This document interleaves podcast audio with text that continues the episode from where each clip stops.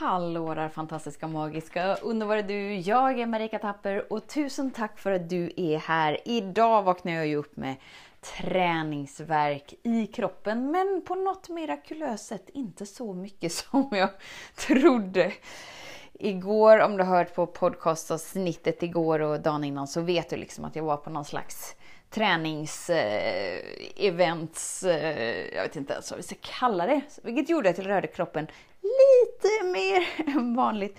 Och den här växt, nej den här träningsverken får mig att tänka på växtverk i vår expansion, så vi tonar in oss där. Häng med! Så den stora frågan är, hur lär vi oss att älska oss själva utan att vara egoistiska och självgoda? Det är frågan och denna podcasten kommer ge dig svaren på det och mycket mer. Mitt namn är Marika Tapper och varmt välkommen till Hemligheterna bakom att älska sig själv. alltså, gå ner för en trappa idag. Jag kan säga att det ser lite roligt ut, för mina vader är sådär väldigt eh, spända så, på ett sätt som inte brukar vara där. Men som sagt, ändå på något mirakulöst sätt så är, har jag ändå inte så mycket träningsverk som jag kanske har en bild av att det skulle vara. Men dag nummer två finns ju också för träningsverk. Dag nummer tre finns ju också. Men sen är det ju så med kroppen att den är ju i ständig förändring, ständig rörelse och inget är för evigt. Så att det liksom är ju en process i att tillåta sig att bara vara ännu mer. Och då tänker jag lite på expansion. För när vi tillåter oss att komma hem i kärnan, hem i kärleken som vi är, så kommer vi uppleva växtverk av ena eller andra sättet. Stunder det bara känns så här, orkar inte göra ett enda medvetet val till, för jag vet inte vad jag ska välja. Eller jag orkar inte göra en enda meditation till. Eller jag orkar inte se mig själv djupt in i ögonen en enda gång till. Eller jag orkar inte vara jag. Jag vet att det borde jag tycka att det är roligt men jag orkar inte. Och så, så här, är vi inne i skuld och offer cirkeln Och det är okej, okay, det är okej. Okay. Vet att liksom när du gör ett så här Åh, oh, det här väljer jag. Du sätter din uppmärksamhet och din riktning in där du väljer att vara. Så händer det grejer. Och det händer grejer för att du växer ur det du tidigare varit. Du växer ur det du tidigare gjort till sant. Och om jag bara ska hårdra det så kärleken som du är var inte fullt accepterad. Var inte fullt sedd. Var inte fullt bekräftad så som du ville bli bekräftad, sedd, hörd, älskad. Det var som att kärleken du är var inte tillräckligt bra. Och som sen då utspelade sig till olika försvars mekanismer som utspelade sig till olika händelser som speglade den känslan som du redan bar med dig. Och så är ju liksom hela karusellen igång livet på planeten jorden. det, det pågår i karusellen av lidande tills den dagen vi bara tillåter oss att växa ur det. Och det kommer ske genom växtverk för att du, när du väl sätter liksom bollen i rullning, oh my god, då går det bara fortare och fortare och fortare. Precis som en, en liten så snöboll uppe på ett berg är så liten men sen ju mer den snurrar, ju snabbare snurrar den och ju större blir den. Men vi behöver liksom få ah, rullning på det. Och för att få rullning på medvetenheten så känns det som att det krävs liksom extra kraftinsatser. Det känns som att det är åh, som ett kämpande. Egentligen är det inte sant. Det är bara det att det ligger så mycket gottig geggamoja inom dig som liksom bara har legat där och gottat till sig så himla länge att det är ingen som har varit där och rört i den grytan. För den enda som kan röra i grytan inom dig är du. Jag vet att det kan kännas som att nej, nej, nej, nej, nej, nej, nej. När jag inte har pengar i plånboken så är det pengarna som rör inom mig. När min partner säger någonting som jag inte gillar, då rör min partner inom mig. När chefen gör det, när det händer, när det händer. Men det är ju aldrig så. Och det vet du ju om du har lyssnat på den här podden. Vi har ju lärt oss det.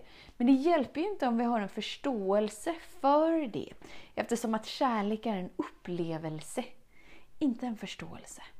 Och för att landa in i upplevelsen behöver vi dels utmana det vi gjort till sant, men framförallt praktisera och praktisera något nytt.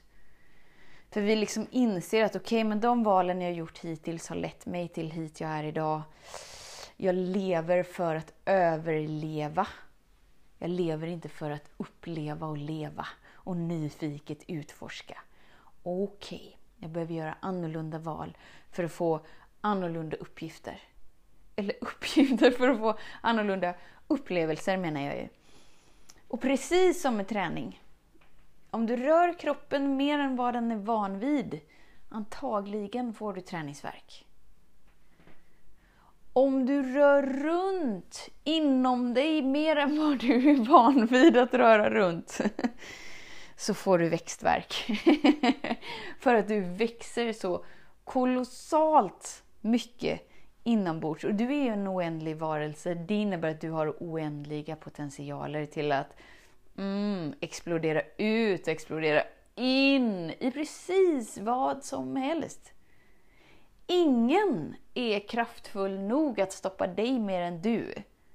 Det innebär att inget är mer kraftfullt än du att välja det du vill vara. Och när vi är i den här växtverken så kan det kännas raka motsatsen till expansion. För du vet de där dagarna när vi bara är så här, Åh halleluja, jag är på moln. Och även om du inte har upplevt den, eller det var väldigt länge sedan du upplevde den, bara vet att det finns där tillgängligt hela tiden. Och det är lika sant som att solen lyser även när det regnar. Solen lyser även när det är fullt på moln. Oavsett om vi kan se den eller inte så lyser den. Eller hur? Och lika sant är det att kärleken och ljuset och lättheten och bubbligheten och gosigheten och mysheten är inom dig i varje stund. Så då är frågan om de där dagarna när allt bara känns som piss och skit och inget funkar. Varför ska jag ens lyssna på den där pip, pip, pip, pip, pip podden med Marika för att inget av det hon säger är sant. inget av det hon förmedlar är sant, för hon förstår inte mig. Det är helt okej okay att du känner så. Och du får känna så. Och när du tillåter dig att känna det, det är då det skiftar.